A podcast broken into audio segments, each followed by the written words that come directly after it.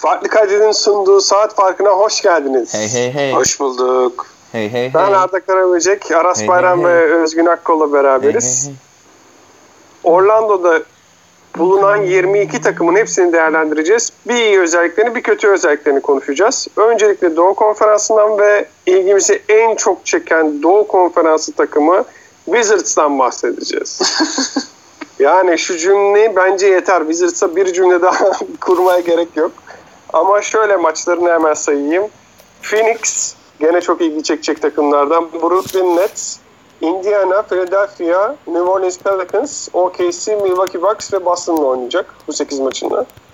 Evet e, Aras iyi ve kötü yanlarını konuşalım bakalım Wizards'ın. E, önce iyi yandan mı başlamak istersin, kötü yandan mı başlamak Ee, istersin? önce şundan başlamak isterim. Ee, ben bu konsepti size e, ittirirken saat fark WhatsApp grubunda size ittirirken e, Sör Çakmak isimli genç dostumdan çaldım. Onlar e, bir diğer genç dostumuz Fat Fade ve Mustafa Kocatürk'le birlikte benzer bir şey yaptılar. E, buradan da sevgili Sör Çakmak'a selam olsun. Bu bir. İkincisi Wizards iyi yanları kötü yanları. Ya tabii ki kötü yanlarından başlamayı çok isterim Wizards'ın. Yani çok iyi yanı olan bir takım değil ha. Yani işte Rüya Şimura'nın e, fena olmayan e, çaylak sezonu, işte e, bir yılın 30 küsür sayı ortalamasıyla sezonu tamamlamış olması, Can Wool'un öyle ya da böyle herhangi bir kapasitede dönecek olması, bir iki tane genç parçadan en azından rotasyon ol- al- e, rotasyon parçası olacak düzeyde katkı almış olmaları onlar için değerliydi bu sezon. Hafif bir playoff şansları var mı? Var. Yani yok değil. Özellikle 9. sıradan 8'den Nets'i yakalamaya çalışacaklar. Ee, fikstürleri de hani öyle şimdi burada 8 tane NBA'nin en kötü 8 takımı ortada olmadığı için genelde çok böyle sağlam fikstürler var. Hele işte şimdi az sonra geleceğiz. Miami'nin falan fikstürü çok sert. O kadar sert bir fikstür yok ama bu takım o kadar sert bir fikstür yokken bile maç kazanabilecek mi o önemli. İşin kötüsü işte e, hücumdaki en önemli iki silah bir yılla Bertans bu sezon yani pandemi sürecinden önceki son bir ay biraz e, şey yaptılar sallandılar böyle ama özellikle hücum işin hücum tarafındaki performanslarıyla e, aldıklarını potaya savurmalarıyla en çok fazla üçlük deneyen bir takımdı Washington Wizards. E, çok garip 3-4 tane maçı koparıp benim en azından beklediğimden daha iyi bir sezon geçirdiler. Ama abi bu, bu takım yani olağanüstü kötü bir savunma takımı. Hani tarihe geçecek derecede kötü bir savunma takımı. Üstelik dediğim gibi hani o NBA'nin en kötü 8 takımıyla da oynamayacaklar. Ee, Daha bile kötü kötü durumda olabilirler. Ee, bu takım hem e, şey e, boyalı bölgenin içinden hem de boyalı bölgenin dışından e, rakiplerin şut yüzdesinde 29. sıradalar ikisinde de. NBA'nin en kötü ikinci takımılar ikisinde de. Yani en azından bir şey bekliyor insan hani ya belli bir savunma prensibin olsun ya işte biz ya boyalı bölgeye yığılacağız ya da işte e, boyalı bölgenin dışına özellikle üçlük çizgisinin gerisine anormal baskı yapacağız. Hani ikisinden biri en azından elindeki personel ne olursa olsun en azından ikisinden birini yapmasını bekler insan. E, ama onu da yapmadılar. Wizards bir sonraki sezonu bekliyor işte. Özgün e, sen bir iyi yan bir kötü yan söylemek ister misin Wizards hakkında? Vallahi kötü yan e, Bradley Beal'ın artık e, ameliyatından dolayı oy- oynamayacak olması. Wizards'ın e, tek iyi yanı belki oydu. E, o da sakatlıktan dolayı çıkınca şeyden onu bir kötü yan olarak sayabiliriz herhalde. E, yani iyi yanı da şeyi e, kalan e, fikstürü nispeten e, iyi gibi duruyor diyeceğim ama Ya o şöyle, da çok iyi durmuyormuş aslında. Şöyle ilk maçları Brooklyn'le sonraki maçları Phoenix'le. Pardon ilk maçları Phoenix'le sonraki maçları Brooklyn'le. Özellikle e, ilk maçta Phoenix'i öyle böyle bir şekilde yenebilirlerse ikinci maçta da Brooklyn'i yenerlerse en azından bir hava yakalayıp ya işte playoff kovalayabilir miyiz falan diyecekleri bir fikstür var. Sonra işte sertleşiyor ama hani şey falan değil böyle. İşte atıyorum Milwaukee Lakers Clippers falan gitmiyorlar oradan. Indiana, Philadelphia, Pelicans gidiyorlar. Hani bu Yani diş maçları geçirebilecekleri takımlar yani. bu, bu maçların hiçbirine favori çıkmayacak tabii ki bunlar ama, Dişleri yok ama. ama evet, yani evet bir şey geçirmeye çalışacaklar artık. ben de bir iyi yan bir kötü, kötü yan söyleyeyim hızlıca. İyi yanı playoff'a kalamayacaklar. Dolayısıyla maruz kalmayacağız. Daha az maruz kalacağız Wizards'a diye düşünüyorum. Ama tabii belli olmaz. Kötü yanı hiçbir maçını seyretmek istemiyorum. Yani bu kadar uzun süredir NBA'yi seyretmedik. İzlemek istemediğim bir takım olarak Wizards gerçeğiyle karşı karşıyayız. Ben ona da hemen bir ekleme yapayım. Aman eksik kalmayayım. Bak sana da hemen lafımı atayım da. Yani sonra ha. At bakalım ha. at at. Ee, benim sezon içinde guilty pleasure'larından, suçlu zevklerimden biriydi Wizards izlemek. Çünkü gerçekten hani olmayacak bir hücum e, prensibiyle ve olmayan bir savunmayla oynuyorlardı. Ee, Bill'la Bertans olsa kadroda ben şey yerine ama izlemek yok. isterdim. Ee, Nets yerine izlemek isterdim bu takım playoff'ta ama dediğin gibi yok. Bir sonraki takıma geçiyoruz. Brooklyn Nets. Onların da programı şöyle. Orlando, Washington, Milwaukee, Boston, Sacramento, Clippers, Orlando, Portland. Evet Özgün. İyi bir yan ve kötü bir yan. Senden alalım bakalım. Valla yani e, Chris Levert baya e, bu sene iyi bir top oynadı. E, Levert'ü zaten fantazi takip edenler iyi bilir. E, fantazide kritik zamanlarda alırsan iyi katkılar verebilen bir oyuncu. E, bu sene gerçekte de iyi bir katkı verdi Nets'e. E, onun bu e, çıkışı belki iyi yan olarak söylenebilir. Ha, kötü yan olarak da şeyi anlamadım ben. Bunlar niye e, Zach almaya çalışıyorlar abi? Ee, o kadar star studded bir takıma e, Zach ihtiyaçları var mı? Şimdi kafalar karışmasın takımın. Spencer Dinwiddie var. E, Arda'nın favorisi. Ondan sonra Kyrie var. E, oraya bir de Zach Lavine doğru bir ekleme mi olur? Chris Levert'ün zaten işte çıkışından bahsettim az önce. Orası biraz kalabalık gibi geldi bana. Zach Lavin trade rumorları biraz takımın kafasını karıştırmasın. Abi bu yani... takım zaten uzayda herkesin kafası karışık. Yani hani ekstra bir kafa karışıklığı takımda yaratır mı? Yaratması şu anda Nets için bir şey ifade ediyor mu? Onlardan ben çok emin değilim. Şöyle e, bu takım malum koçunu kovdu. Ken Atkinson'ı kovdu. Şimdi Jack Vaughn'la girecekler şeye, Bubble'a. Jack Vaughn da e, şey adaylarından biri, head coach adaylarından biri. Bu takımın şu andaki en büyük derdi şeyi söyleyeyim Zach Lavine muhabbeti ben de anlamadım. Bugün işte Knicks'e e, Nets Zach Lavine isterse e, takasını isterse Chicago'dan peşinden koşacak diye haber düştü. Hani Knicks için konuşulur. Ben e, Knicks'in de kurtarıcısının Zach Lavine olabileceğini düşünmüyorum. Başka türlü bir oyuncuya ihtiyacı var bence New York Knicks'in. O ayrı bir tartışmanın konusu da. Nets için söylediklerinin hepsine katılıyorum. Yani Zach Lavine e, top elindeyken iş yapan bir oyuncu. Top elindeyken iş yapan iki tane süperstarı var zaten. Nets'in biri Kyrie, biri Kevin Durant. Kevin Durant dönecek sezona. Ee, gelecek sezon dönecek. Bu şeyde Bubble'da yok. Şeyde de hani buraya girerken ya işte DeAndre Jordan yok, Spencer Dinwiddie çok çok yüksek ihtimal olmayacak falan filan. Takım seneye ne olacak bilinmiyor işte playoff yapmak istiyorlar mı istemiyorlar mı ondan kimse çok emin değil çünkü çok şey bir kadroyla zayıf nispeten zayıf bir kadroyla geldiler. Ee, hani ben en azından şu 8 maç ya da işte playoff'ta oynayacakları artı 4 maçtan 12 maç ee, bir işte rol oyuncularını, rol oyuncularının diğer oyuncularla neler yapabileceğini, neler yapamayacaklarını görmek isteyeceklerini tahmin ederdim ama genelde gelmeme kararı aldı oyuncular. Özellikle veteran oyuncuları. İyi yanı da şöyle hani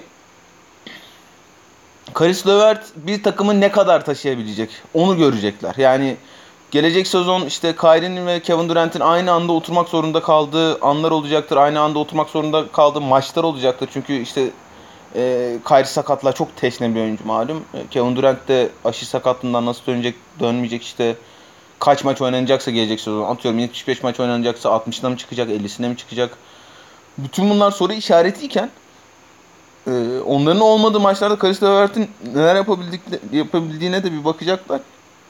Karis Levert bence hani iyi düzey bir NBA takımının bir numaralı taşıyıcısı, bir numaralı oyun yapıcısı olacak bir oyuncu değil. Ama o işin 2 numarası ve veya 3 numarası olmak için de çok ideal bir oyuncu. Ee, All Star arasından sonra oynadı 16 maçta sakatlığı vardı malum. Oynadı 16 maçta 24 e, sayı 5 rebound 5 asist ortalamalarıyla oynadı.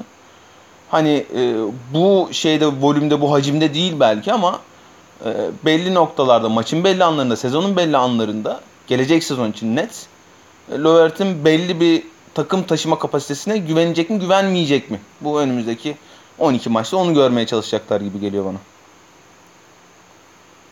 Şimdi daha bile ortalamaları arttırır herhalde değil mi? O bubble'da. Yani evet hani şey e, böyle fantazilikleri ne oldu ben hala bilmiyorum. Geçen konuştuk bakmadım da dönüp de.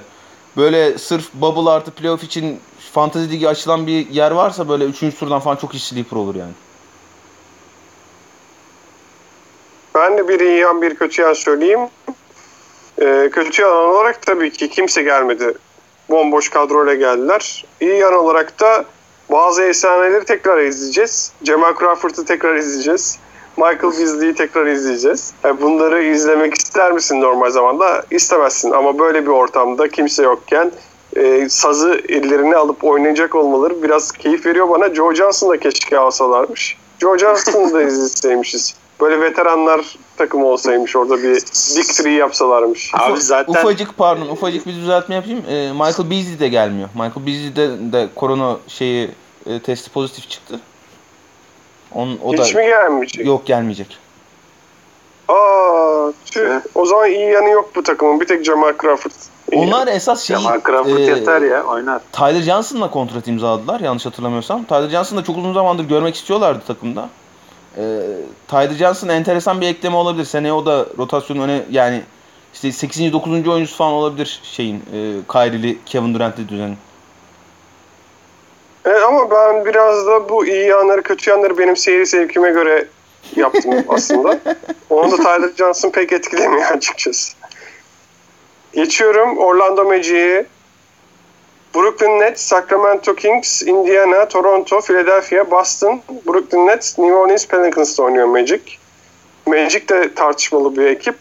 Evet Özgün ne düşünüyorsun Magic iyi tarafları ve kötü tarafları konusunda? Valla iyi tarafı çok net. Ee, Brooklyn Nets'le iki kere oynamaları. yani e, hemen Nets'in üstüne gelmeleri iyi oldu o açıdan yani. Kimsenin olmadığı Brooklyn Nets takımıyla ilk kere oynamak e, Orlando için e, güzel bir şey olabilir. Hele ki ilk onunla başlıyorlar filan orada bir e, ilk başta şeyde söylemiştik Wizards'da e, iyi başlamaları yani e, schedule'ın iyi başlaması avantajı olabilir diye. Bunların da schedule'ı e, bayağı genel olarak iyi. E, bir orada bir ortada bir zorlaşıyor belki ama e, genel olarak iyi yani ve Nets'te başlamaları e, güzel bir avantaj olmuş. E, kötü olan tarafına gelirsek yani kötü olan tarafı herhalde yani bunlar yedinci olacaklar şeyde. Ee, çok yüksek ihtimal. Ee, ve Raptors da oynayacaklar gibi gözüküyor. Kötü tarafı o herhalde yani çok bir e, ilk turda çok bir şansları yok gibi gözüküyor sonra playofflarda. Evet Aras sen ne diyorsun Orlando Magic hakkında? Benim iyi bir şey bulmakta en zorlandığım takım bu oldu. Şimdi e, ya evet işte malum hani elit demeyeceğim ama üst düzey bir savunma takım bunlar ve e, kimliklerini genel olarak savunma üzerinden kuruyorlar. Alfaro Camino ile Jonathan Isaac'in biz şu anda konuşurken onu da söyleyelim bu arada. E, biz bunu cuma akşamı 24 Temmuz cuma akşamı e, saat 22.30'da konuşuyoruz. Hani biraz eksik bilgimiz olabilir çünkü yayınlayacağımız tarih henüz belli değil. Haftaya hafta içi yayınlayacağız. Hafta içi bir gün. E, Jonathan Isaac ile Alfaro Camino'nun durumları da belli değil şu an itibariyle. İkisinin de oynaması beklenmiyor.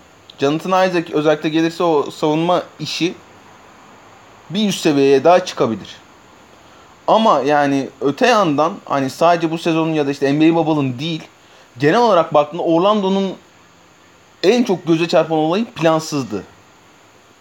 Şimdi işte e, Vucevic, Jonathan Isaac ki de artık oraya yazabiliyoruz. Vucevic, Jonathan Isaac, Aaron Gordon çekirdeğinin gideceği yer burası.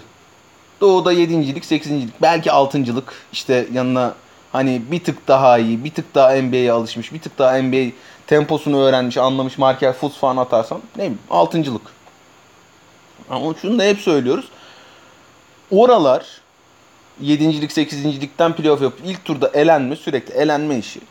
NBA'in de olabileceğiz en kötü yerlerden biri. Dokuzunculuktan sonra bana soracak olursanız en kötü yer hatta. Çünkü ne doğru düzgün e, lotarya şansınız oluyor draftta ne de playoff'ta herhangi bir şansınız fazla yürüme şansınız olmuyor. Ha öte yandan da e, takım sahibi için de kötü bir durum mu? Bu ondan da çok emin değilim. Çünkü takım öyle ya da böyle her sezon playoff yapıyor. İşte ben playoff takımı var benim diye pazarlayabiliyorsun. Ona göre mer- merchandise satabiliyorsun. Ona göre bilet, ona göre kombine satabiliyorsun. Bilmem ne bilmem ne.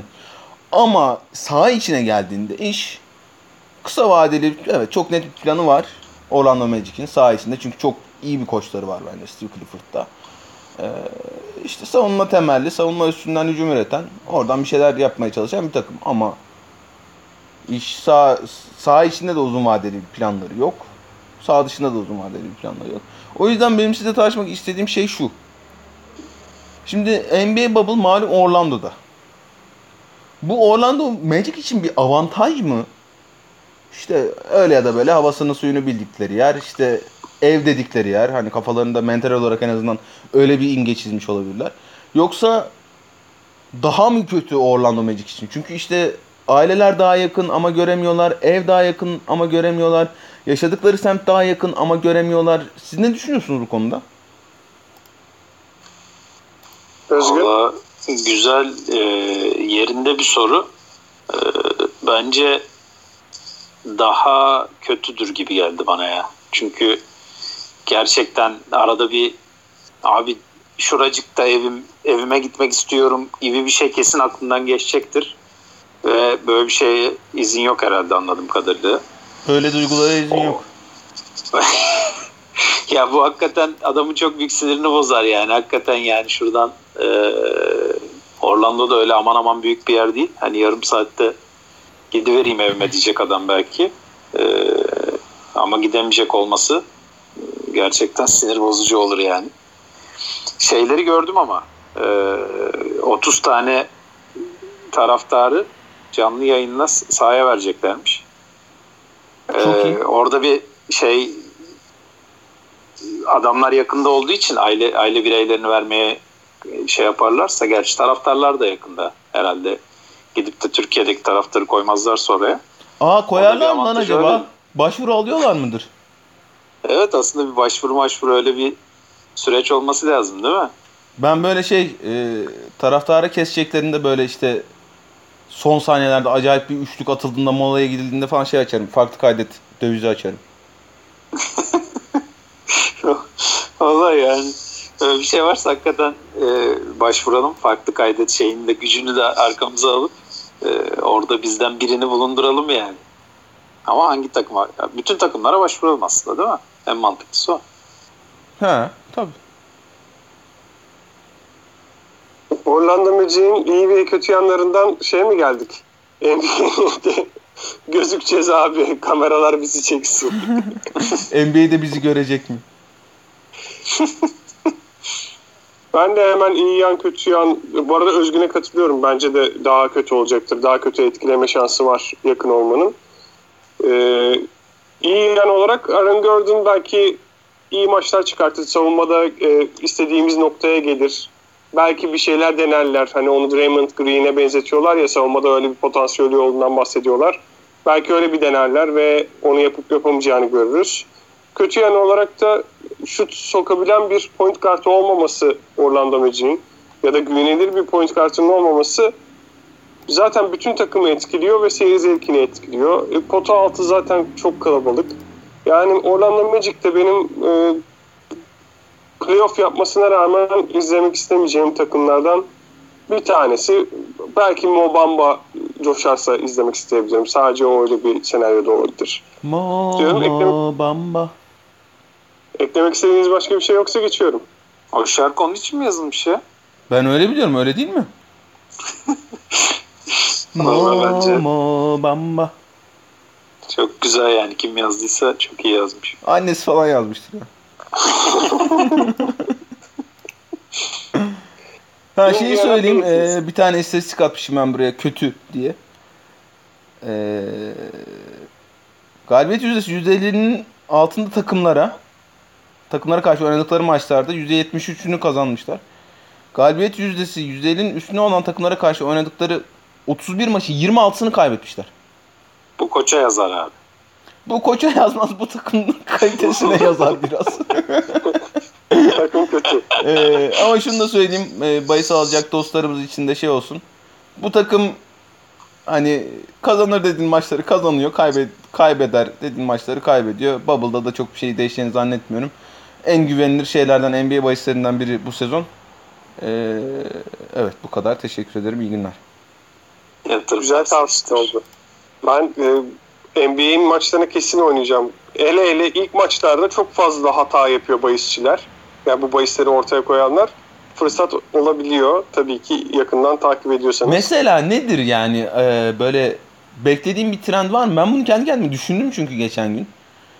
Aynı dediğin sebepten hani e, bubble ortamı nasıl olur? Bahis yani bu işte line'ları, bahis şeylerini, baremlerini belirleyenlerin de çok fikri olmuyor bizim gibi. Hani o oranları belirleyenin önüne geçme şansı bu özellikle bir iki maç ama yani hani ya işte daha mı az sayı olur yoksa böyle daha TT bir atmosfer olduğu için daha mı çok sayı olur yoksa işte şutlar mı girmez çemberlere alış, alışıklık yok işte e, uzun süredir oynanma, oynamamış olmalarının paslılığı var yani ne bekliyorsun? Şöyle bir şey var. Ee, bizim için çok bariz görünen bazı şeyler bahise o kadar net bir şekilde yansımıyor. Mesela Brooklyn Nets şu anda playoff'ta 7. sırada ya. Wizards'la oynayacak mesela. Wizards'a karşı aralarındaki e, puan farkı, handikapı çok düşük olabilir. Yani gene Wizards favori çıksa bile atıyorum iki buçuk sayıyla e, Wizards favori çıkabilir. Atabil, anlatabiliyor muyum? Ya da Wizards kötü örnek oldu. Belki Phoenix Phoenix daha iyi bir örnek. Phoenix ile Brooklyn'in maçı varsa orada Phoenix'i ağır favoriyken o kadar ağır bir favori olmayarak görebiliriz. Örnek olmak için bu eşleşmeye örnek veriyorum. Ee, ayrıca çok top kaybı oluyor. Ben hazırlık maçlarını falan seyrettim. Seyretmeye çalıştım daha doğrusu. Tamamını seyretmedim. Olmadı. Ee, çok top, top kaybı oluyor. Ve bazı maçlarda da hakikaten acayip alt oluyor. Yani normalin üzerinde alt oluyor ama tabii bütün kadro oynuyor. Ee, çok geniş rotasyon kullanılıyor. Onlar ne kadar yansır gerçek maçlara bilmiyorum. Ama bence bildiğimiz eksiklikleri olan takımların baremleri gerçekte olduğunu e, kadar yansıtmayabilir ilk maçlarda özellikle. Diye düşünüyorum. Çünkü her sezon öyle oluyor. Çok kötü olacağını bileceğin ta- takımı iyi zannediyor genel e, görüş. Ve birkaç hafta belki bedavadan maç kazanıyorsun yani iddiada bilebiliyorsun. Geçiyorum Indiana Pacers'a. Bu konuda eklemek istediği olan yoksa. Tamam geçtim. Indiana Pacers, Philadelphia Washington Wizards, Orlando Magic, Phoenix Suns, LA Lakers, Miami Heat, Houston Rockets ve Miami Heat ile oynuyor. Kötü bir aslında e, programları varmış. Yo iyi lan daha ne olacak? Miami Heat ile iki defa oynuyor. Lakers ile oynuyor. Houston'la oynuyor. Philadelphia ile oynuyor. Oğlum yani Daha şöyle düşün. Milwaukee yok. Gerçi Milwaukee'nin de durum biraz şey e, değişik. Çünkü Milwaukee bir galibiyetle mi ne şey garantiliyor. Birinciliği garantiliyor. Ee, neyse Milwaukee yok. Clippers yok. Denver yok. Bubble'da böyle şeyin Miami'nin şeyini gördün mü? Denver, Biraz Toronto, Boston, Milwaukee, Phoenix, Indiana, OKC, Indiana. Yani çok sert, çok sert. Miami'ninki çok sert. Onlar da Indiana ile ilk kere oynuyorlar. İlginçtir. Kapatalım gidelim mi acaba? evet. İyi yanları kötü yanları Özgün. Ee, ya bence iyi yanı Oladipo'nun e, bana sanki kendine geliyor gibi gelmişti en son e, bu ligleri kapatmadan önce Oladipo. Biraz toparlıyor gibi gelmişti. E, onun bir 3 ay daha 4 ay daha e, dinlenme şansı bulması bence iyi. Yani Oladipo biraz daha hatta belki de bayağı bir eski halini andırabilir gibi geliyor bana e, tekrar başladığında. E, kötü hali de yine Oladipo. Ona da Oladipo diyebilirim. Yani tam adam kendini buluyordu. e, bu 4 aylık süreç e, çok da iyi geçirmediyse ilk döndüğü hale döner mi diye bir ufak bir soru işareti de var aklımda. Hani iyisiyle kötüsüyle Oladipo zaten yani ben bu takımı e, en son biz konuşurken yine Oladipo üstünden e, konuşuyorduk. Çünkü bu tip işte en iyi oyuncusu sakatlanıp gidip ondan sonra kendini bulan takımlarda onsuz da iyi oynamaya başlayan takımlarda bu en iyi oyuncunun geri dönüşü her zaman sancılı olmuştur. Ee, bu onlar da yani Orlando'da bunu yaşıyor. Şey pardon Indiana'da bunu yaşıyor. Ee, bakalım ne olacak yani ama ben biraz daha ümitli taraftayım. Ümit var. Evet. evet Aras. Ee, neydi ha Pacers. Ya şimdi Pacers'la ilgili Oladipo'dan bayağı bahsetti Özgün ama şunu ekleyeyim ben. İşte pandemiden hemen önce kendine geliyor gibi de gibi görünüyor dedi. Hakikaten öyle. Boston'a mı bir 30 sayı attı. Yani çok o da paslı dönmüştü aslında ama çok ağır ağır bir ve çok çok uzun süre oynamadıktan sonra. Fena görünmüyordu hakikaten arayı verdiğimizde. Ama fena görünmediği noktada bile hiç şut sokamıyordu. Indiana bu sezon en çok yakın maçlar maç oynayan takımlardan biri ve o yakın maç oynama işinin önemli bir kısmını Brogdon, e, Sabonis ikili oyunları üstünden rahatlıkla çözdüler. Zaten üst düzey bir savunma takımı. Hep öyle oldular Nate McMillan'la birlikte. İşin hücum kısmında Brogdon Sabonis'le çözüyorlardı. İki sezon önce o çözme işini Oladipo yapıyordu ve hakikaten üst düzey yapıyordu. Oladipo'nun aldığı çok maç var sakatlanmadan önceki sezonu. Şimdi Oladipo döndükten sonra Nate McMillan topu gene ona emanet etmeye başladı. E, maçı sıkıştığı anlarda. Oladipo şut sokamadığı sürece o anlarda topu ona emanet etmenin çok doğal olarak önemli bir analizdir bu. Şut sokamayan adama top emanet etmenin çok manası yok. Ee, döndüklerinde bu işe bir çözüm bulacaklar mı? Oladipo, yani bu işin iki çözümü var ya Brogdon Sabonis ikili oyununa geri dönmek bu anlarda ya da Oladipo'nun şut sokması. Pacers'la ilgili benim en çok merak ettiğim konu Oladipo şut sokabilecek mi? İkincisi sezona başlarken Miles Turner'la e, Domantas Sabonis aynı sahada yer alabilecek mi? diye çok konuştuk. Ha, ayrı ayrı oynadıkları çok dakika oldu. Onu söyleyeyim ama zaten işte Miles Turner falan olduğu sürece sahada işte e, Brogdon gayet iyi savunmacı, Miles Turner gayet iyi savunmacı. E, özellikle o ikisi sahada olduğu sürece çok sert bir takım Indiana. E, Miles Turner'ı da çembere yakın tutabildikleri sürece savunmada gayet iyi bir savunma takımı oluyorlar. Ee, Sabonis de Miles Turner'ın oynaması savunmayı pek etkilememiş görünüyor. Birlikte oynadıkları son 11 maçın 8'ini kazandılar. Bu 11 maçta onu e, Sabonis ile Miles Turner'ın birlikte oynadığı 257 dakikada ki az bir süre değil bu. E, genelde 250 dakikanın geçmesi beklenir bu şeyin istatistiklerin bir anlam ifade etmesi için. 257 dakikada e, hücum eden takımlar pozisyon başına bir sayının altında hücum etmişler. Ki bu çok çok üst düzey bir savunma demek. Hani özellikle Sabonis ve Turner'lı dakikaları savunmada bir şey kaybetmeden geçirirlerse yine tehlikeli bir takım olma şansı var Pacers. Hani çok giderler mi bilmiyorum. Ee, onlar Miami'yi e, kovalayacaklar. Philadelphia'nın zaten önündeler. Miami'yi de kovalamaya çalışacaklar. 5'te kalmaya çalışacaklar 6 yerine. Ee, ben pek mümkün görmüyorum ama hele hele Oladipo iyi dönerse playoff'un e, ilk turuna kaçıncı sırada girerlerse girsinler. Sert bir takım olarak ciddi zorluk çıkaracaklardır rakiplerine. Ben de iyi yan olarak tabii ki Oladipo'yu yazdım. Kötü yan olarak da Sabonis sakat benim bildiğim. 6 gündür topa dokunmuyorum demiş en son. Ee, ne zaman döneceğim de belli değil demiş.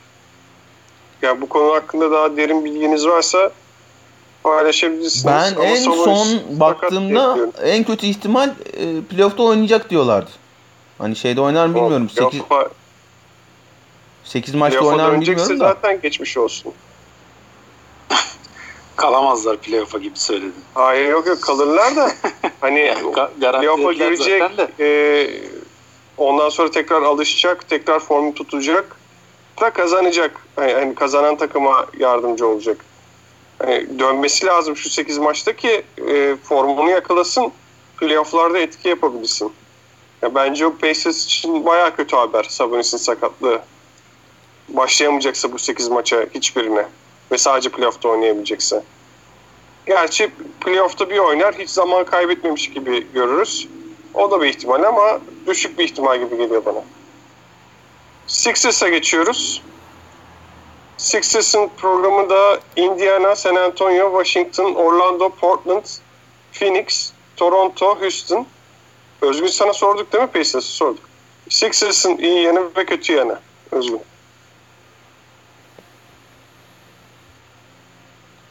Özgün düştü mü? Ee, bakayım. Bakamam. Neyse ben ben gireyim mi? Ben girdim. Sen gir evet. evet. Abi şimdi yani Pace, e, Sixers'ın sorunları, işin hücum kısmındaki sorunları sezon boyunca en çok konuştuğumuz şeylerden biriydi. Devam edelim. Şimdi Shake Milton'ı ilk 5'e atıp Al Horford'u oturtup Ben Simmons 4 numarada başlayacak diye bir muhabbet çıktı. Buna e, Twitter NBA tayfa böyle inanılmaz bir şeymiş gibi bir tepkiler verdi. Ben anlamadım. Yani ne demek bu? Ben Simmons 4 numara başlayacak. Hani 2020'de basketbol oynayan bir takımda Ben Simmons'ın 4 numara başlayacak olması ne anlama geliyor tam olarak? 4 numaraları mı savunacak? Zaten 4 pozisyon savunuyor Ben Simmons. Genelde karşı takımın en iyi skorerini savunuyor 5 numara olmadığı sürece. Top mu getirmeyecek? Topu getirmeyecek herhalde. Aynen. Bence o anlamaydı. Evet tamam yani e, topun yarı sahaya geçtiği 3 saniye boyunca Ben Simmons'ın elinde olmayacak top. Bu ne anlama geliyor? Bilmiyorum hiçbir fikrim yok. Ama millet böyle çıldırdı. Oo Ben Simmons 4 numara. Ben Simmons Embiid'siz düzende 5 numara oynamadığı sürece bu haberlerin benim için hiçbir manası yok. Çünkü Ben Simmons bir pivot. Pivot herif yani o kalıpta olmayabilir, o boyda olmayabilir. Ama basketbol oraya doğru gidiyor ve Ben Simmons şeyine tavanla ulaşacaksa herhangi bir takımda bu Philadelphia'da olmak zorunda değil. Yanında bir pivotun olmadığı pivot gibi oynadığı düzende olacak. Bu şey demek değil ya işte pasta top alacak da onlar falan bitti abi bu yani ortodoks muhafazakar şey e, pozisyon kavramları bitti. 4 numara oynayacakmış Ben Simmons. Peki oynasın. Hani ne olmuş peki Ben Simmons'la Shake Milton aynı şeyde olduğunda, sahada olduğunda? E, 223 dakika oynamışlar beraber. E, 100 pozisyonda 1.02 sayı atmışlar. Bir şey mi olmuş? Uçmuş kaçmış bir şey yani. E, Philadelphia hücumu. Yok hiçbir şey olmamış. Ha daha iyi olabilir tabii ki Shake Milton e, özellikle işte Ocak mıydı Şubat mıydı anormal böyle 30-40 falan atıyordu çıkıp. Ama dünyanın en iyi şutörü mü? Değil. Çok gidip geliyor çok istikrarsız. Peki ama atsınlar yani Shake Milton atsınlar Ben Simmons 4 oynasın. Bunlar hücumdaki şeylerin problemlerini çözecek mi Philadelphia'nın zannetmiyorum ama en azından şunu çözebilir. Horford'la Embiid'in aynı sahada çok fazla ya zaten Horford'la Embiid Simmons üçünden ikisi bile fazla bana soracak olursanız. işin hücum kısmında. Ama en azından Horford'la Embiid'in sürelerini optimum şekilde ayırmış olacaklar. E, ikisini de daha taze tutabilecekler özellikle maç sonu için. E, bu bir. İkincisi abi ya bu takımın öyle ya da böyle e, kampın yıldızı Horford biliyorsunuz. Ee, hani çok iyi durumda olsa da olmasa da Embiid'in kafa sahada olduğu sürece hakikaten bu takımın savunma tavanı çok yüksek. Ee, şöyle bir istatistikle destekleyeyim. Hücum verimliliğinde ilk 10'da olan 5 takım Boston, Miami, Denver, e, Utah ve Lakers'ı bu sezon boyunca, normal sezon boyunca hücum başına bir sayının altında tutmuşlar. Olağanüstü bir istatistik. Olacak iş değil yani. O mesela şeyi Milwaukee'yi yendikleri bir maç var. Yalnız falan perişan ettiler o maçta. Şey e, Noel'deki maç işte yanlış hatırlamıyorsam. Perişan ettiler. Hakikaten çok yüksek bu takımın savunma e, savunma tavanı. Ee, Embiid'in geçtiğimiz sezon playoff'ta yaptıkları da malum. Hani playoff'a girerken en önemli konulardan biri o. Embiid'in olmadığı dönemde hem hücumda hem savunmada zorlanmışlardı geçen sene. Savunmada daha az, hücumda daha çok. E, Toronto meşhur seriyi geçerken Embiid'in olmadığı dakikalara boştu o seriyi geçmesini. Geçtiğimiz sezon Embiid'in oynadığı 334 dakika boyunca playofflarda 0.93 sayı attırmışlar pozisyon başına. Bu artık yani hani e, da, daha olağanüstü bir istatistik olamaz bir takımın savunmasıyla ilgili ki bu sene daha iyi bile savunma takımı olduklarını tartışabiliriz. En azından tavan olarak daha yüksekte olduklarını tartışabiliriz. Ha bütün bunlar e, Philadelphia'nın başlıca sorunlarını işte e, oyun sıkıştığında nereye gideceklerini, sürekli Embiid postlarından bir şey üretmeye çalıştıklarını ve onun o işin hücumu çok baltaladığını, topun çok durduğunu, işte Embiid'le Simmons'ın e, işin hücum kısmında beraber olamadıklarını falan çok uzun uzun konuştuğumuz şeylerin hiçbirini gölgelemiyor. Bu takımın sorunları baki bana soracak olursanız. Shake Milton bir şey değiştirmeyecek bence. Ee, ama işte en çok herhalde en çok merak edilen takımdır Sixers. Özellikle şeye giderken. Son 8 maça değil de playoff'a giderken öyledir diye tahmin ediyorum. Özgün sen ne düşünüyorsun Philadelphia hakkında? Valla bence e, yani Simmons'la ilgili bir şey yapma gerekliliği e, artık herkesin kabul ettiği bir şeydi herhalde. En azından bir şey deniyorlar. E, yani Aras'ta dinledikten sonra ben çok ümitli değil gibiyim e, pozitif bir şey çıkacağından ama en azından bir şeyler deniyor olmaları iyi diye düşünüyorum. E, yani Simmons artık yani olmuyor Simmons top getirdiği zaman. Bari en azından biraz da Shake Milton denensin. Bir de Al Horford'un tabii e, onu, onu çok e, büyük ümitlerle almıştı bu takım ve şimdiye kadar felaket gözüküyordu. E, onun e, arasında dediği gibi şeyde iyi oynamış olması bu antrenmanlarda işte ya da işte bu şey maçlarında e, o, o çok önemli yani bu takım için o, o baya iyi bir şey olarak söylenebilir. E, kötü olarak da e, kalan şeyleri schedule'ları bayağı zorlu e, Sixers'ın. Ve bu da muhtemelen Schedule'ları e, zorlu mu? Zorlu. Oğlum İn, en kolay schedule bu. Ya siz şeyi falan mı zannediyorsunuz? Millet Knicks'te Warriors'da falan mı oynayacak zannediyorsunuz? Yani zaten gelmeyen takımlarla oynayamıyorsun değil mi? Ka- ya kalan takvimde e, en iyi takvimlerden biri Sixers'ın takvimi. Indiana. Favori çıkarlar. San Antonio favori çıkarlar. Washington favori çıkarlar. Orlando favori çıkarlar. Portland favori çıkarlar. Phoenix favori çıkarlar. Toronto üstüne onları konuşuruz istiyorsan. 8 maçın altına favori çıkıyorlar. Nasıl zor schedule? Doğru. Doğru. Böyle düşününce. Bu arada tam bu konuyu Doğru. konuşurken önüme bir video düştü. Ee, ben Simmons hazırlık maçında köşeden üçlük denemiş. Üçlük atmış. Üçlük denemiş kafama geldi top ama denemiş yani en azından. Abi hala mı ya? Kaç sene geçti ya? Hala mı denemiş ama en azından dayız yani. Ee, evet. Şimdi böyle düşününce yalnız o zaman e, dörde çıkma şansları... Evet evet. Ee, önemli olan konu bu Sixers'la ilgili. Dör, çok ciddi dörde çıkma şansları var. Çok aynen çok ciddi. Yani gerçekten çok ciddi. Ee, Gerçi pardon ya Özgün çok affedersin de 4 ile 5'in çok bir farkı kalmadı tabii artık. Evet yani ama ev sahibi avantajı şey e, o şeylerde onlar seçecekmiş. Of avantaja bak. Ona göre doğru takıma başvurularımızı yapalım. E, playoff'larda da orada olalım. E, ama yani en azından kendilerini şeyden kurtaracak gibiler bunlar. E, Celtics'ten kurtaracak gibiler. E, o da yani kritik olabilir. Bir de şey işte, muhabbeti var. Şimdi e, Sixers olsan 4-5'e atmak ister misin kaldı kendini 6'da mı kalmak istersin? Çünkü 4-5'e atarsan ve e, şey yaparsan tur atlarsan Milwaukee ile eşleşeceksin. Baksa geliyorsun. Evet. evet 3-6'da kalırsan yüksek ihtimal Toronto ile eşleşeceksin. İşte ya nasıl olsa final yapmak için Milwaukee bir noktada elemek lazım. İkinci turdan gelse fark etmez mi derler falan filan böyle garip garip muhabbetler de var. Evet bunları bunları hakikaten düşünmek Bunlar lazım. Yani be, belki de Sixers'ın en önemli karar vermesi gereken şey bu şu an. Yani çünkü illa bir şey fark eder yani. Ee, ben de genel olarak size katılıyorum iyi yönü ve kötü yönü konusunda. Ben Simmons'ın 4 numara oynaması yeni bir şey değil ki.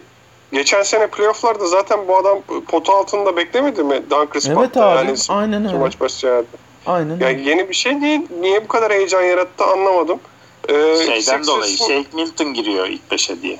Oo Shagneyton giriyorsa kartlar yeniden dağıtılır.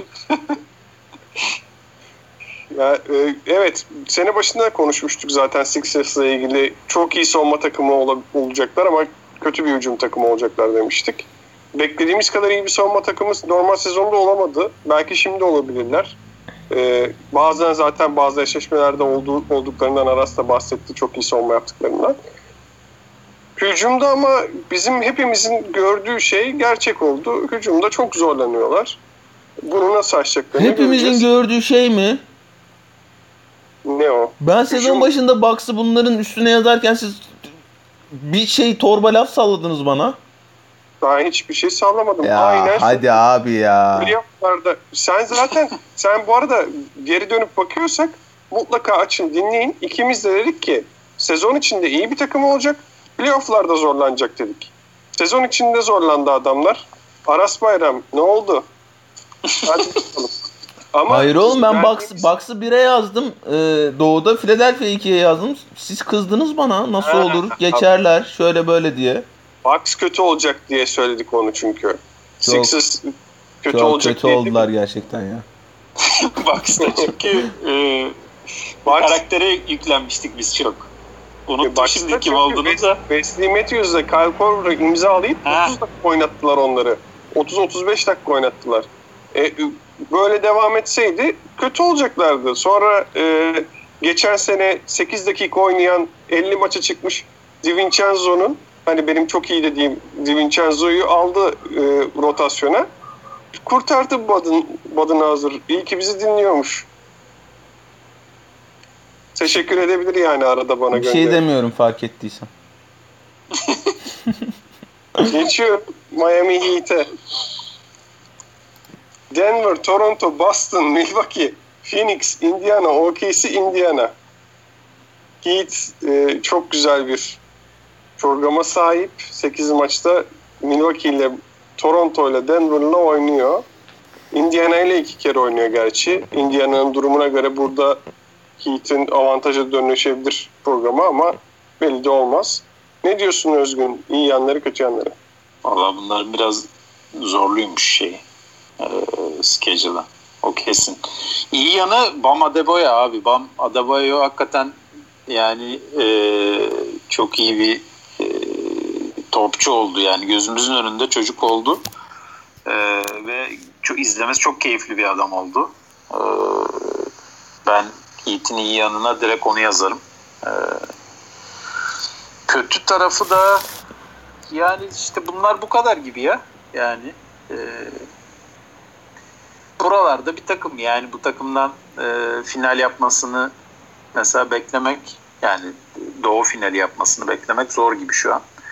Ama belli de olmaz ya. Yani punduna getirirlerse e, bir şeyler de olabilir. Bence izlemesi çok keyifli bir takım özellikle BAM'dan dolayı. O açıdan e, beni heyecanlandırıyor takım. Aras? Ya şöyle hani ben şeyi seviyorum. Aynı of inanılmaz bir gol lan. Ee, affedersiniz.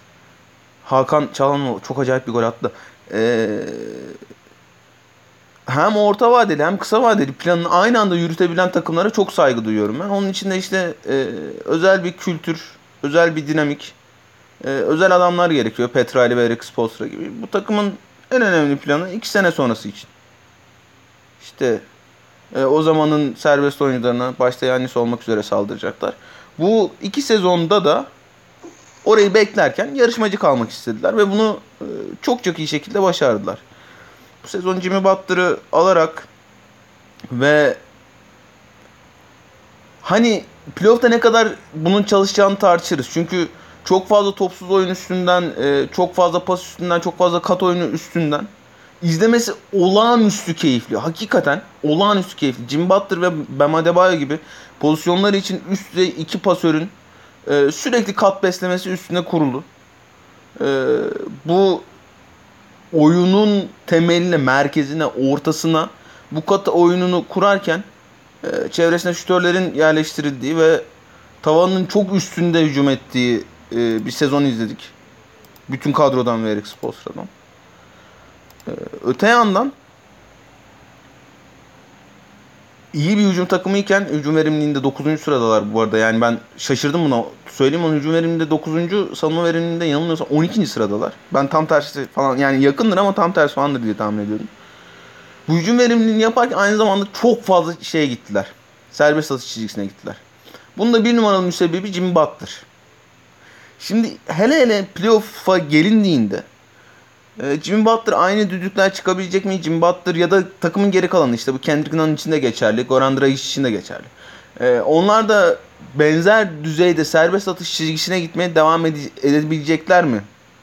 Gibi bir soru işareti var. Ama totaline bakacak olursak işte Duncan Robinson'dan Derrick Jones Jr.'na, Kendrick Nunn'dan Tyler Eros'una, Goran Dragic'inden hatta hatta Myers Leonard'ına e, herkesten, herkesten, her bir parçadan alabileceği katkının tavanını aldı Eric Spoelstra. Miami'nin benim kötü diyebileceğim yanı sanırım bu. Çünkü totale bakacak olursak evet özel bir sezon geçiriyor Miami. Ee, evet hani beklenenin üstünde verimlilikle, işin özellikle hücum kısmında beklenenin üstünde verimlilikle geçiriyor. Ama gidebilecekleri bir seviye daha var mı? Playoff'lar o seviyeyi istiyor çünkü. Ha ya bu bu arada genel olarak şey için geçerli. Bireysel olarak geçerli. Yani Kendrick Nunn'ın atıyorum playoff'ta bir tane daha vitesi olduğunu ben zannetmiyorum. Ya da Duncan Robinson'ın olduğunu zannetmiyorum. Eric Spoelstra'nın olabilir. Bu takımın saha içindeki en önemli kozu hala Eric Spoelstra. Eric Spoelstra'nın olabilir. Ama o yani yetenek seviyesini, yetenek farkını özellikle işte e, Toronto gibi, Milwaukee gibi, Boston gibi takımlara karşı varmış gibi görünen Philadelphia'da keza yetenek farkını kapatacak kadar da coaching farkı özellikle playoff serilerinde yaşanmıyor. Dolayısıyla ben e, Miami'nin kadro kalitesinin nispeten bu saydığım takımlara göze, göre özellikle zayıf olduğunu düşünüyorum. Ee, özel bir sezon geçirdiklerini, tavanlarında oynadıklarını düşünüyorum ve tavanlarında kısıtlı olduğunu düşünüyorum. Özgün. Ben şey yapmadım mı ya? Sen- Babada böyle falan övmüştüm. pardon. Tamam pardon. Bir şey demedim. No problem. Ee, başka bir şeye bakıyordum da o yüzden kusura bakmayın. Ben de iyi yan olarak Memphis'in eski halini hatırlatıyor yazmışım. Hmm. Ee, ben- Hmm. Güzel bir hatırlatma be. Hmm. Sevdiğimiz. Her kötü yan olarak da herkese zorluk çıkarırlar ama şu zorluk çıkardıkları hiçbir eşleşmede favori olamazlar demişim. Vay vay. Arda bu ne laflarmış bunlar ya. Aa, Geçiyoruz Boston Celtics'e. Onların da programı Milwaukee Bucks, Portland Trail Blazers, Miami Heat, Brooklyn Nets, Toronto, Orlando, Memphis, Washington. Dolayısıyla kolay mı diyoruz şimdi Aras? Öğrenmiş miyim? Bu kolay mı oldu? Eh, Nispeten kolay evet yani. yani evet. Evet Özgün ne diyorsun? İyi Evet, yanlar evet. kötü Ko- yanlar. tabii canım kolay bu ya.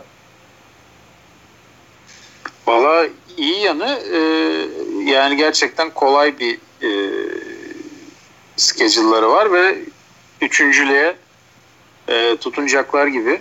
Hatta ikinciliği de biraz zor gerçi yani bu kadar az maçta bu kadar fark kapatmak ama zorlarlar mı E, göreceğiz.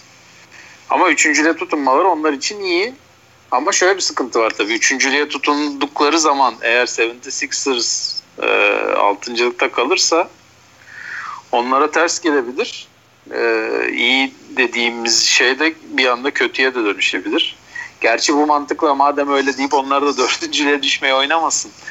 Yani çok çok komik bir 8 maç bek- bekleyebilir mi bizi ya eğer millet bu hesaplara girerse Abi ona şimdi göre bir böyle de öyle bir ortam var ki Milwaukee bir maç kazanırsa birinciliği garantiliyor. Yani ben şey diyebilir. 10 dakika oynattım Yannis'i. İşte 10 dakika oynattım Chris Middleton'ı. Verdim bu maçı da sana ne? İşte böyle çok garip bir takıma maç verebilir. Ee, atıyorum işte Boston'ı yenip Philadelphia'ya yenilebilir. O özellikle 3 4 5 3 4 5 6 işi falan çok karışık olacaktı o da. Valla bir de Milwaukee'de hani ben de biraz sizin sıralamanızı ayarlayayım şeyine girerse. Evet evet aynen çok, öyle. Çok eğlenceli olabilir yani çok komik e, eğlenceli şeyler görebiliriz. Ya Ama atıyorum yani ya şu 8 maçta benim oynayacak bir şeyim kalmadı. Ben 4-5'e Miami Indiana sıkıştırmaya bir çalışayım falan diye de Denver yaptı geçen sene biliyorsunuz. evet aynen. Hani çok kolay değil bu işler tabii. Çok denk gelmesi gerek. Acayip denk geldi geçen geçen sezonun son maçında da. Olur mu olur yani.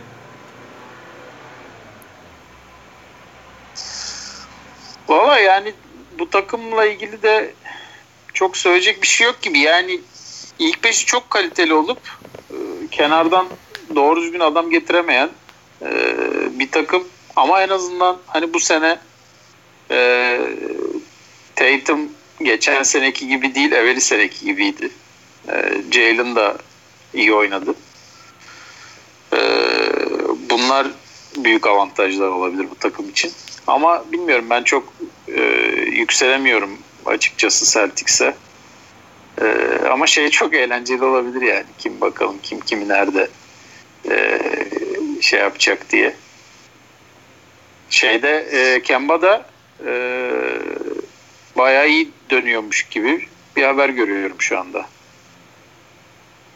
Playoff'lara kadar restriction'ları kalkmayacakmış ama e, en azından oynayacakmış. Bu da e, güzel pozitif bir haber herhalde Celtics'ler için. Şimdi pozitif kelimesini kullanmayalım yanlış anlaşılmasın. ya. Evet Aras sen neler diyorsun? Şimdi Arda'cığım canım yani bu takımın e, derdi hani bir numaralı derdi belli. O da rotasyonun biraz dar olması açıkçası. Tamam işte sayıyoruz. Kemba, Smart, Hayward, e, Tatum, Jalen Brown. Daniel Tice çok çok iyi bir sezon geçiriyor. Eyvallah. E, Enes Kanter peki. Yani peki. Hani en azından işte e, 15 dakika sahada tutunca bir tane post tehdidin oluyor. Cumhurbaşkanı band tehdidin oluyor. Bilmem ne. Peki. Ve ondan sonrası biraz sıkıntı, biraz soru işareti gibi. Bu hani çok üst üste, çok tempolu maçların oynanacağı e, bu önümüzdeki işte bir, bir buçuk ay ne kadar süreyse onu kaldıracak nicelik yok. Hani nitelik elbette var. Ama nicelik yok gibi geliyor bana. Doğru söyledin Ben küçüklüğümden beri karıştırırım onları. Nicelik, nitelik. Doğru söyledim evet. Ee, öte yandan yani bir, bir Brad Stevens klasiği olarak beklenenin çok ötesinde bir şey takım bunlar. Savunma takımı. Ee, NBA'nin en iyi savunmacılarından biri olan Marcus Smart'ın başını çektiği e, Jason Tatum'un ve Jalen Brown'un özellikle e, Forvet'te topa yaptıkları baskıyla bir üst düzeye çektiği ve Daniel Tyson da çember savunmasında sertlik getirdiği olağanüstü bir savunma takımı. Ee, bu sezonu ilk onda bitiren, hücum veriminde ilk onda bitiren takımları takımları 1.06 sayıda tutmuşlar. Ama bu savunma işi Philadelphia karşısında çok fena bozguna uğramış. Bu ne anlama geliyor? Philadelphia gerçekten antidotu mudur Celtics'in? Ee, Celtics kovalamak, ay Philadelphia kovalamak ister mi Celtics'i? Çünkü e, yani çok çok acayip çok farklı çok acayip bir galibiyet almışlardı şeye karşı size karşı hatırlamıyorum şeyin şu anda da detayın şu anda da ee, Jace Tatum çok kötü oynadığı bir maçta Ben Simmons gayet iyi savunmuş Jace Tatum falan filan Hani Philadelphia'dan kaçmak isteyecekler midir Özgün'ün dediği gibi ona bir bakmak lazım. Ben geçen programda da dedim şimdi de diyeyim. Keyifli bir takım. Ee, onlar da özel bir sezon geçirdiler Miami gibi. Özellikle işte Miami'ye çok benzer şeyler söyleyebiliriz. Bu takımın kadro kalitesi çok daha yüksek. En azından işte birinci, ikinci oyuncu karşılaştırması tartışılır ama üçüncü, dördüncü, beşinci, altıncı oyuncu kaliteleri çok daha yüksek Miami'ye göre. Ee, ama yine de ben şey seviyesinde Milwaukee ya da Toronto seviyesinde olduklarını ve onlara hani seri geçecek kadar sıkıntı çıkaracak bir takım olduklarını düşünmüyorum. Hem rotasyon darlığı hem fiziksel sıkıntılar e, sebebiyle. Ben de iyi yan olarak biraz e, Tatum'un Tatum'dan bahsetmek istiyorum. Tatum All-Star seçildikten sonra sanki LeBron James şampiyon olduktan sonra yaşadığı bir aydınlanma, aydınlanma vardı ya. Öyle bir aydınlanma yaşamış gibi performans gösteriyordu. E, çok iyi oynuyordu gerçekten. İki yönde de. Ben Tatum'un iyi yan olarak, Boston'ın iyi yanı olarak bahsedilmesi gerektiğini düşünüyorum. Kötü yan olarak da Brett Vanamaker Kemba'nın yediği olamaz. Ya hiçbir takımın NBA'de yediği Brett Vanamaker kalitesinde olmaması lazım iddiası varsa takımın. Yani baya baya NBA'de olmadı. Çok Evet, hafif evet. kaldı. Evet. Kemba nasıl dönecek? E, iyi dönüyormuş, harikaymış. Şutuna çalışmış, Kampın savunmasına yıldızı. çalışmış. Peki tamam ama e, bence genel olarak depth'i yani e, bench'teki oyuncularının e, yetersizliği ve e, Kemba'nın durumu belirleyici olacak Boston için. Deyip geçiyorum Raptors'a. Lakers, Miami, Orlando, Boston, Memphis, Philadelphia, Milwaukee Bucks Denver'la oynuyorlar.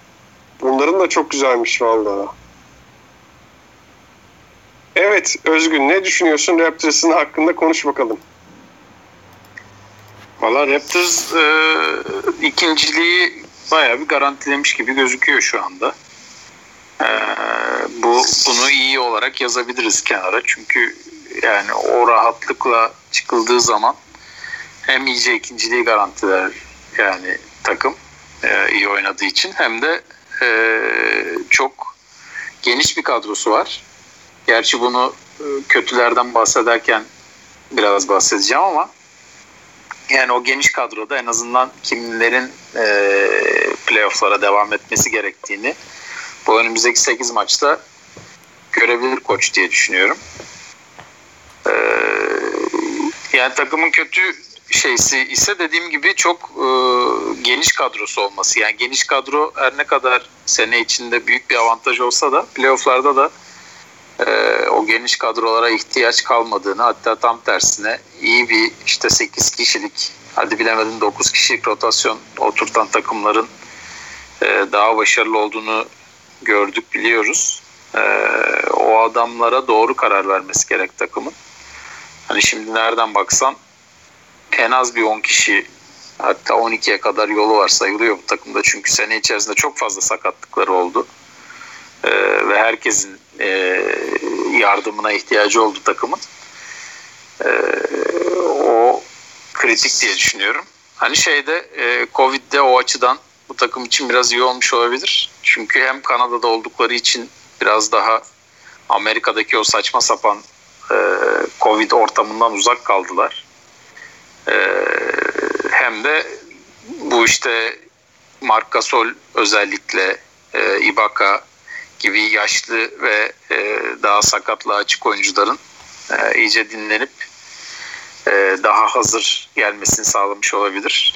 E, o açıdan da bir avantajdır. Şeyi demişken bir onu da araya sıkıştırayım. E, Kanada'da olmalarından bahsetmişken e, bayağı e, işte Black Lives Matter diye e, otobüsün üstüne filan yazmış Toronto Raptors da. Raymond Green de siz hayırdır ne iş Amerikalı mısınız size ne Black Lives'dan falan gibi bir çıkın, çıkış yapmış. Ee, çok hoşuma gitti onu da paylaşayım yeri gelmişken. Draymond Green niye böyle bir dal yaraklık yapmış? Abi hakikaten yani Süzme dalayarak olduğu için herhalde. bu son zamanlarda yaşananlar çok acayip. Bir de Yahudilere saldırdılar ya orada. Abi ne yapıyorsunuz yani siz tutturmuşlar e, bütün dünyayı onlar yönetiyor. Böyle zırvalıyorlar zırvalıyorlar. Aklımı alamıyorum yani Stephen Jackson falan neler demiş. Neyse. Geçelim Aras. İyi yanları kötü yanları. Abi bu takım e, iyi yanı açık ara savunması. Çok savunma övdük lan. Philadelphia savunmasını övdük, Boston savunmasını övdük, Miami'yi azıcık övdük. Toronto'yu da öveyim bir tur. Bucks'ı da öveceğiz. Ee, abi Fred VanVleet olağanüstü topa baskıcı. Ee, Pascal Siakam hem çok iyi birebir savunmacı hem çok iyi yardım savunmacısı. Ojannobi çok iyi birebir savunmacı. Ee, Ibaka üst düzey e, çember savunucu. Marc Gasol e, çok iyi ikili oyun savunucusu. E, Kyle Lowry de olağanüstü bir göt. Yani herifte öyle bir göt var ki ittirme kaktırmak falan mümkün değil. Çok yoruyor seni fiziksel olarak. E, Chris Boucher geliyor şeyden e, bench'ten Rondé Hollis Jefferson geliyor. Onların ikisi de hani ya dünyanın en işte bilinçli en düzgün şeyleri değil. E, savunmacıları. Bazen işte çok fazla top kovalıyorlar. E, rakip kaçırıyorlar bilmem ne ama ikisi de işte uzun kollu, çok atlet, e, savunma motoru yüksek oyuncular. Ve yani Nick Nurse gibi bir koç var hani denemekten de kaçınmıyor. İşte one and box deniyor, alan deniyor, 1-3-1 deniyor, 2-3 deniyor. Ee, tam sağ e, baskılı alan savunması deniyor. Deniyor, deniyor herif yani. Hani öyle şeyleri de yok ya ben bunu yaparsam rezil olurum gibi çekinceleri de yok. Çok da maç döndürdüler öyle bu sene. Ya çağır dizsen ben basketbol takımı kuruyorum işte 10 kişilik çağır diziyorum hani çok iyi bir savunma takımı ol, olsun istiyorum. Bu oyuncuların kartlarında ne yazsın desen böyle şeyler yazsın istersin işte. Olağanüstü birebir savunmacısı, olağanüstü ikili oyun savunmacısı, olağanüstü çember savunmacısı, olağanüstü göt yazsın istersin yani. Toronto öyle bir takım. Ha öte yandan Toronto bir sezon iyi takımlara karşı çok çok iyi oynamadı açıkçası. Ee, doğudaki, doğuda ilk dörtte olan takımlara karşı 7 maç oynamışlar. 6'sını kaybetmişler. Öte yandan %50'nin galibiyet yüzdesi %50'nin altında olan takımlara karşı 39 maç oynamışlar. 35'ini kazanmışlar. Bu biraz e, süperstarsızlık. Yani Siakam'ın Lowry'nin hakkını yemeyelim ama süper süperstarsızlık, kavaysızlık e, gibi geliyor bana ki bu da özellikle playoff'ta iş sıkıştığında topu emanet edip ya da işte maça mental olarak da ya ben bu sahanın en iyi oyuncusuyum diye ağırlığını koyacak oyuncu olmamasının da eksikliğini biraz yaşayacak yaşayabilirlermiş gibi geliyor bana. Bu Boston karşısında da geçerli olabilir. İşte Tatum vs. Siakam falan onları konuşabiliriz. Konuşuruz denk gelirler hatta. Ee, Yannis için zaten geçerli olacak. Ama izlemesi inanılmaz keyifli. Hiçbir şeyden korkmayan koçlarıyla, olağanüstü savunmalarıyla. Ee, Bubble'ın en dikkat çekici takımlarından biri. Evet.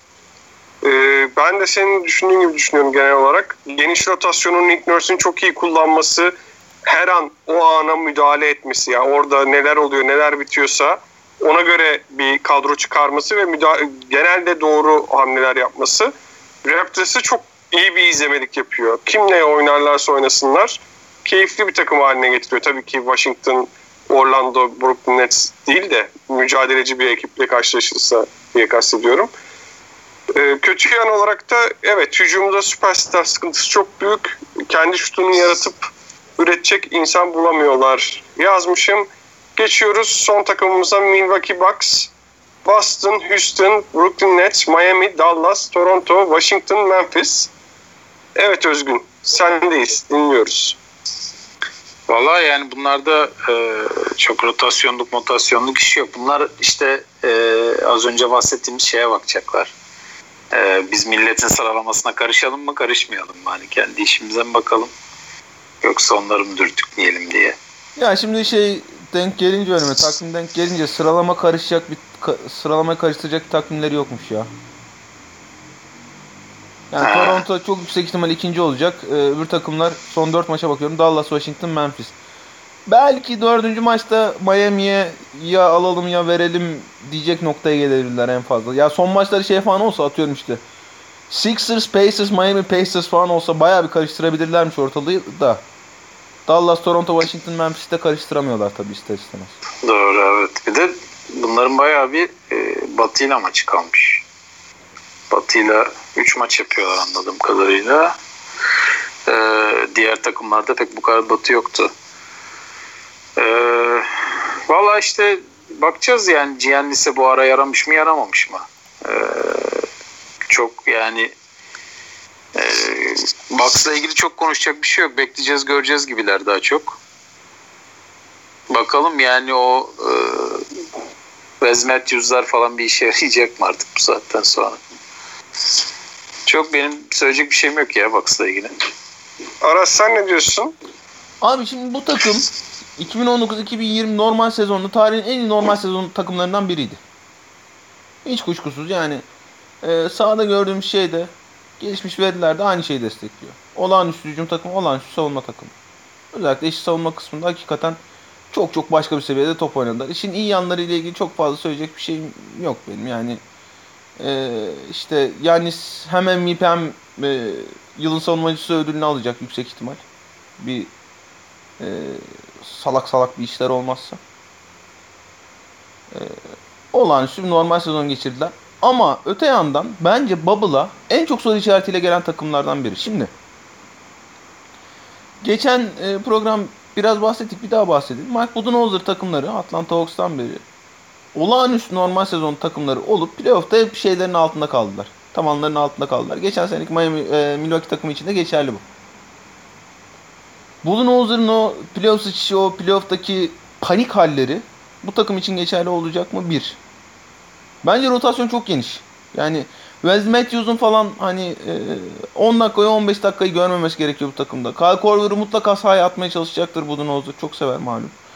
E, hani Kyle Korver'ın NBA playofflarında 10 dakika 15 dakika duracak hali bence pek yok. Eric Bledsoe'dan katkı alabilecekler mi? Eric Bledsoe'nun e, playoff sıkıntıları malum. Katkı alacaklarını bildikleri, katkı alacaklarından emin oldukları e, 3.5'tan 4 tane oyuncu var. Brook Lopez işini biraz konuştuk. Brook Lopez bu sezon kötü şut atıyor. Geçtiğimiz senede playofflarda e, Brook Lopez çok özel bir savunma oyuncusu. Ama geçtiğimiz sezon playofflarda Brook Lopez'in çembere çok fazla düşerek savunma yapmasını Toronto iyi değerlendirmişti. Brook Lopez ya savunmada normal sezondaki verimliliğini devam ettirmek zorunda ya da daha iyi şut atmak zorunda hücumda. Onu yarım yazıyorum. Dante DiVincenzo'yu yarım yazıyorum. Çok iyi bir sezon geçirdi. Eyvallah. Ama playoff'ta ne yapacağını bilmiyoruz. Çünkü doğru düzgün playoff'ta izlemedik daha önce. Wes Matthews'udur, e, Kyle Korver'ıdır, işte yeni kattıkları Marvin Williams'dır, Ersan'dır, Mersan'dır. Onları da bir kenara koyuyorum. Donta DiVincenzo'ya da yarım yazdım. Bir. Öbürleri Chris Middleton. O playoff'ta hiç sekteye uğramıyor çünkü. Yannis. Yannis'ten ne kadar verim alabileceklerini göreceğiz. Yannis'in hücumdaki sıkıntıları malum. Daha fazla şut atacaktır bu sene playoff'ta ama bu iyi bir şey mi kötü bir şey mi bundan çok emin olamıyorum. Yine de savunmadan hücum üretebildikleri sürece Yannis'in de fazla sıkıntısı olmayacak. Ee, üçüncüsü de yine olağanüstü bir sezon geçiren Joe Hill. DiVincenzo ile Brook Lopez'i yarım yazdım 4. Şimdi bu işin 5'i kim olacak? 6'sı kim olacak? Milwaukee muhtemelen önümüzdeki 8 maçta tabii ki playoff atmosferi aynı değil ama önümüzdeki 8 maçta bu sorunun yanıtını arayacak her şeyden önce. İşte e, bazı beşleri deneyecekler. Yannis'in yokluğunda neler yapabileceklerini deneyecekler. E, Brook Lopez'in ya da işte Robin Lopez'in olduğu dakikaları nasıl geçirebileceklerini deneyecekler. Ama playoff'a girerken hani Doğu'nun net favorisi bu takım da. E, şampiyonluğun da favorisi olduğunu söyleyen çok takım var. Ben bu saydığım 55 bin tane soru işareti sebebiyle şampiyonluğun favorisi göremiyorum. Milwaukee Bucks. Bak tekrar ediyorum. Tarihi bir normal sezon geçirdiler. Olağanüstü, inanılmaz bir normal sezon geçirdiler. Yani. Ya herif şey olacak işte hem MVP hem yılın savunmacısı olacak. Bunu yapan iki tane mi oyuncu var tarihte. Ama dediğim gibi her şeye rağmen belki NBA'in en iyi takımı olmalarına rağmen Bubble'da en çok soru işaretiyle gelen takımlardan biri bunlar. Ben de e, delicisi olmamasından dolayı sıkıntı yaşayabileceklerini düşünüyorum. Çok iyi bir analiz yaptın bence de. Yani Bucks'ın bütün sıkıntı, sıkıntılarından bahsettin. İyi yanları da Yanis var ama Yanis'in de nasıl durdurulabileceğini geçen sezon gördük. Geçen sezondan daha iyi bir kadroları yok. Takım olarak daha iyi bir takım olabilirler ama kadro olarak yani oyuncu kalitesi olarak daha üst düzeyde bir oyuncu kalitesi yok. Dolayısıyla Bucks evet şampiyonluğu oynayan 3 takımdan biri ama Lakers'ın da Clippers'ın da e, arkasında. Hatta sen sanırım eleneceğini bekliyorsun ilk roundda. Öyle gibi anlattın değil mi? Brooklyn Nets 4, Milwaukee Bucks 0. haftaya da haftaya değil e, aynı önümüzdeki hafta da hiç girme o muhabbeti hiç girmesen daha iyiydi. evet önümüz yani evet. Bir, bir miktar zaman sonra diyelim. ee, batı bölümüyle karşınızda olacağız öyle diyelim. Evet evet hesaplayamadım zamanı atlamalarını. Görüşmek üzere. Hoşçakalın. Hoşçakalın. Hoşçakalın. Aa kapatamadım yayını şu arada konuşayım da. Ne haber iyi misiniz? Oo 70 dakika sürmüş. Hoşçakalın.